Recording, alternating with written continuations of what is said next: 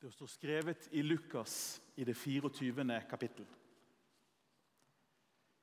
Da åpnet han deres forstand, så de kunne forstå Skriftene. Og han sa til dem, slik står det skrevet, Messias skal lide og stå opp fra de døde tredje dag. Og i hans navn skal omvendelse og tilgivelse for syndene forkynnes for alle folkeslag. Dere skal begynne i Jerusalem. Dere er vitner om dette. Slik lyder det hellige evangelium. Velkommen frem, Øyvind.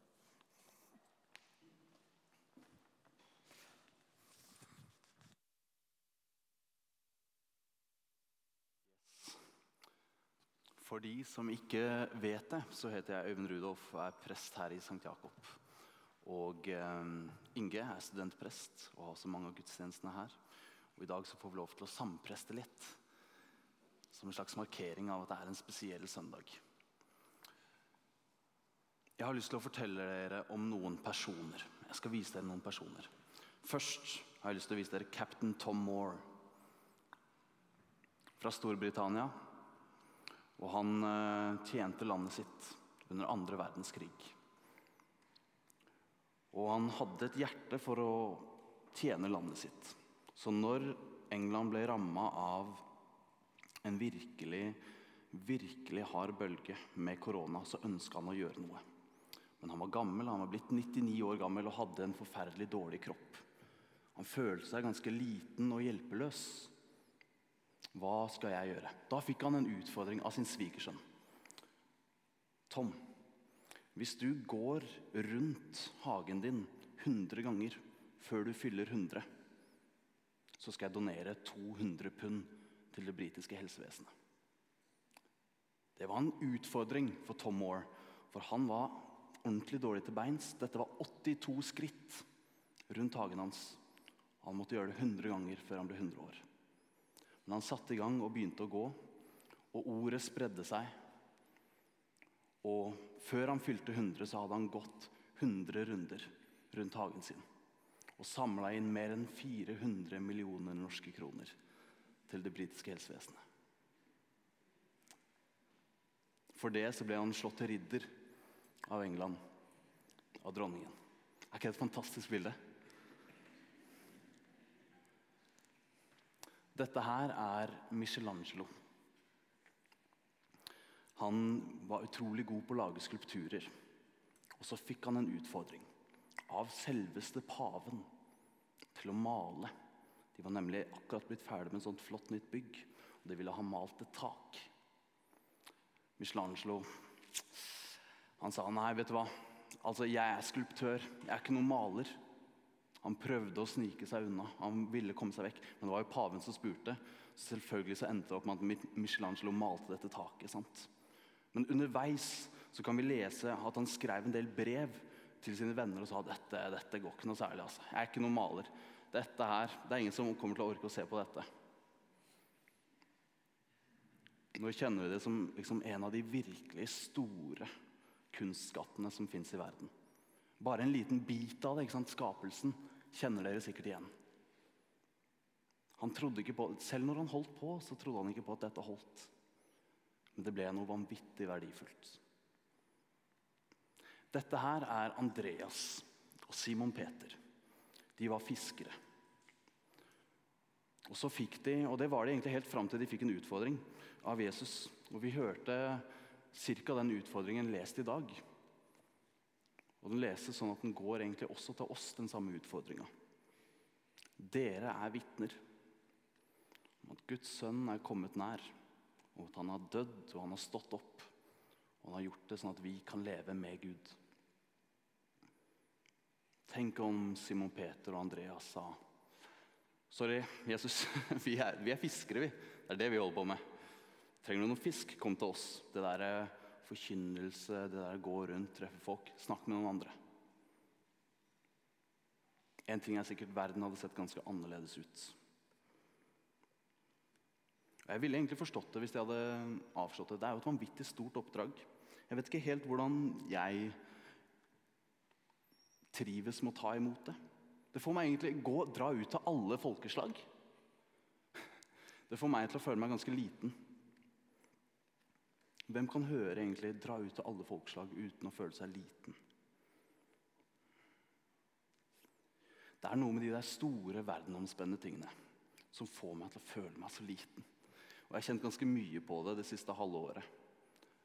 Ofte når jeg har sett på nyhetene, og så er det en krig som herjer i Ukraina. Og plutselig så var liksom verden snudd på hodet. Når jeg hører om sultkatastrofer som kommer til å komme, om energimangel. Når jeg leser at selv vi i rike Norge virkelig enda ikke har klart å gjøre noen betydningsfulle utslippskutt. Ja, selv etter at vi har liksom protestert og herja liksom, i flere tiår, så har vi fått kriseklimarapporter. Jeg føler meg ganske liten i møte med alt dette. Også. I tillegg så kommer dette kristenoppdraget. Dra ut til alle folkeslag. Det er noe som jeg syns er litt utfordrende av og til med det å dele troa.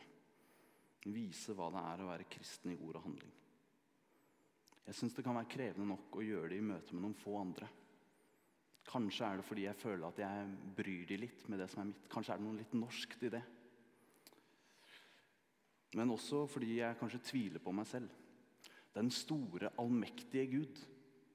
Hva kan jeg si om den store, allmektige Gud? Jesaja følte seg ganske liten. Ser dere Jesaja helt nede i bunnen der? Selv i det, ja, ikke sant, Dere ser han så vidt. Kanskje, kanskje ikke i det hele tatt. Han følte seg ganske liten. Dette vanvittige byggverket av et tempel. Det var liksom det mektigste de kjente til. Og Gud som viser seg. Altså, tuppen av kappa hans fyller hele tempelet. Tempelet er det største, og tuppen av kappa fyller det.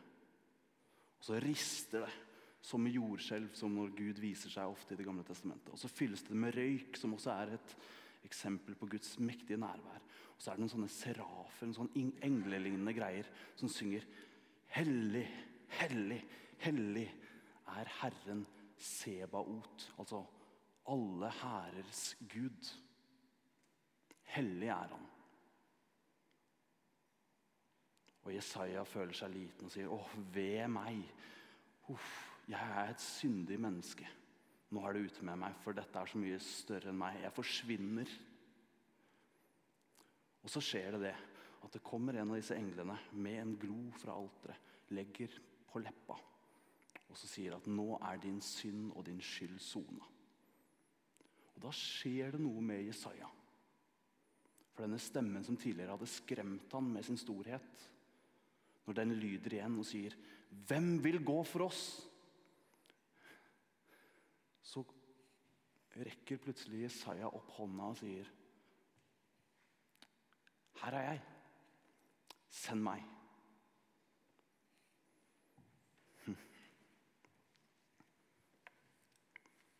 Etterpå skal vi feire nattverd, og nattverdsliturgien vår er et ekko av denne fortellinga. Vi møtes av den allmektige Gud når vi synger Hellig, hellig, hellig er Herren Sebahot, allhærs Gud. Kanskje føler vi oss ganske små og ubetydelige i den setninga. Men heldigvis så fortsetter vi å synge. Vi synger 'Velsignet er Han som kommer i Herrens navn'. Det samme som folkemengden ropte, de siterte salmene, da jødenes konge Jesus kommer ridende inn på et esel i Jerusalem. Vi knytter altså sammen denne mektige, store Gud med dette mennesket som kommer oss i møte og går i døden for oss. Det er det som skjer i starten av nattverdsliturgien. Og så får vi ta imot med munnen, i brød og vin, den transformerende kjærligheten, nåden. Gud som har kommet nær, kjærligheten som renser og reiser oss opp. Som gir oss en plass ved Guds bord. Forskjellen fra Jesaja er ganske vesentlig. For det er Gud selv som kommer. Han sender ikke en av sine engler. Og nummer to vi står der ikke alene. Vi er sammen i et fellesskap ved Herrens bord. Og Det betyr at når utfordringa kommer, så kommer den til oss som fellesskap. Vi sier, vi ber, hjelp oss å høre det rop du har hørt, og se den nød du har sett, og elske vår neste som oss selv. Det er deilig å slippe å aleine ta opp hånda. Det betyr at fellesskapet bærer. Om du skulle føle deg liten til tider, så bærer fellesskapet. Det kan jeg si, for jeg har merka det godt den siste uka. Det har vært fantastisk mye som har skjedd i uka, siste uka. Jeg vet mange av dere er her, har vært her mange kvelder. Noen er her for sånn fjerde-femte kvelden på rad. Creds. altså, det har vært veldig, veldig gøy og mye fint som har skjedd. For, for min del så har jeg hatt litt for mye å gjøre. Så noen ting har jeg bare ikke hatt tid til. Men fellesskapet har båret. Vi har kommet oss uh, veldig godt gjennom. Men det krever også at enkeltpersoner av og til rekker opp hånda og sier at 'Her er jeg. Send meg.' Dette kan jeg ikke, men jeg prøver. Jesus fortalte en gang en lignelse. Eh, det var en mann som skulle dra bort. En rik mann. Og så ga han alt han eide, til tre menn som skulle ta vare på det. Tre tjenere. Og han hadde da noen mynter i enheten talenter. Verdt vanvittig mye. ene personen gir ham fem. Den andre to. Den siste én. Han som får én talent, han skal være sikker. Jeg skal ikke miste denne. Han skal få den tilbake. Så han går jeg tror kanskje jeg hadde gjort dette selv, han går og graver den ned. Der ligger den, trygt og godt. De to andre de tar sine henholdsvis to og fem mynter og går og investerer de. Og tjener dobbelt så mange. Og når eh, denne mannen kommer tilbake, og så får han levert fra de som hadde fem og to, nå ti og fire, så sier han 'fantastisk'. Dere har gjort en vanvittig bra jobb. Og så kommer han som har gravd den ene talenten. Og så får han skikkelig refs. Jeg syns han alltid er litt hard mot han der som graver den ned. Jeg tror jeg hadde gravd den ned selv. Jeg. Men uh, poenget med den lignelsen er jo selvfølgelig ikke at du skal gå og liksom, låne masse penger og så gamble det bort. sant? Ikke ta opp forbrukslån og investere i bitcoin. Det er ikke det som er her.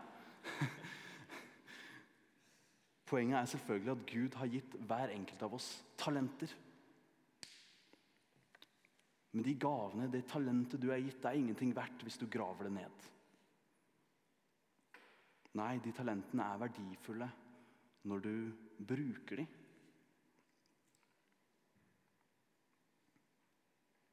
Det skapes mer verdi når du rekker opp hånda og sier at 'her er jeg, send meg'. Når vi tar imot utfordringa, eller kallet, som vi kan si med et kristent språk.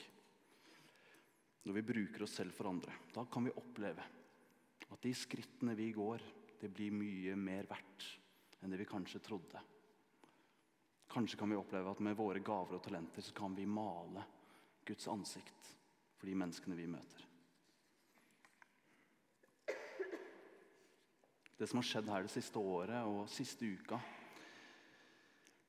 Ehm, det er egentlig et eksempel på dette, at folk rekker opp hånda. Konserten på torsdag. Hæ? Lars som drar med seg en gjeng musikere. Ingeborg som stiller opp og bruker mange timer bak teknikerbordet. De mange frivillige som har bidratt på ulike måter med å stå på kjøkkenet. Eller bak miksebordet eller ved instrumenter. Som er med å bygge fellesskapet. Koret hvor hver enkelt bidrar med det de har. Og så blir det liksom en fantastisk konsert. En symfoni. Det er enkeltmennesker som bidrar med sine talenter. Og så Sammen så skaper de en helhet. En helhet som er større enn summen av hver enkelt del. Du kan liksom ikke bare plusse det sammen, og så får du det. Det skjer et eller annet magi der. Kanskje er det Gud. En del her i rommet har som jeg har sagt, sin siste gudstjeneste i St. Jakob på en stund. Eller egentlig hos alle, for neste gudstjeneste er først 21. august. Men jeg tenker på de som nå skal ut og reise, eller på utveksling eller skal flytte eller et eller annet. Jeg vet ikke åssen det er for deg. Kanskje gleder du deg. Kanskje gruer du deg litt. Kanskje litt begge deler. I mylderet av nye ting og nye folk så Eller bare i savnet av det man dro fra, så er det lett å føle seg litt liten og aleine. Det skjer hos alle sammen. Og om dere skulle kjenne på det, så håper jeg, så er mitt håp for dere at dere kan finne styrke i det dere har fått herfra. At dere kan vite at dere hører til i dette fellesskapet. Og at dere er sendt av Gud, intet mindre, med de gaver og talenter som akkurat du har. Dit du skal, så finnes det noen som trenger akkurat det du kan ta med deg. Så om du skulle savne den gode vennegjengen eller en kirke som Sankt Jakob, dit du kommer Kanskje du skal være med å skape akkurat det der du skal. Du har opplevd hvordan det kan være. Du har fått det i gave. Kanskje er det en mulighet hvor du kan rekke opp hånda og si at her er jeg. Bruk meg. Send meg. Jeg tror de to setningene er liksom åpninga for at vi kan oppleve at de små skrittene vi har å bidra med Om det så er å dytte en rullator rundt en hage, ikke sant? at det kan bli vanvittig verdifullt. Og at du med dine talenter og gaver kan male Gud for de menneskene du møter.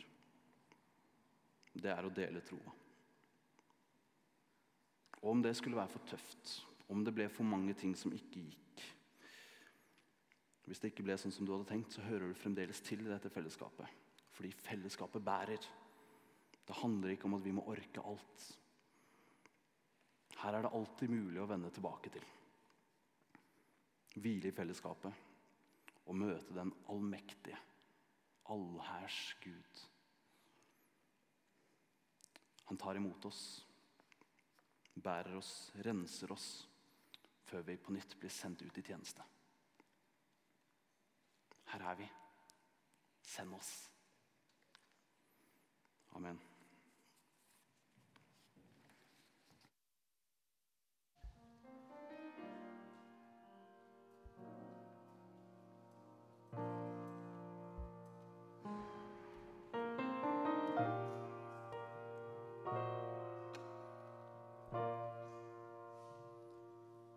Jeg vil gi deg, o Herre, min lovsang.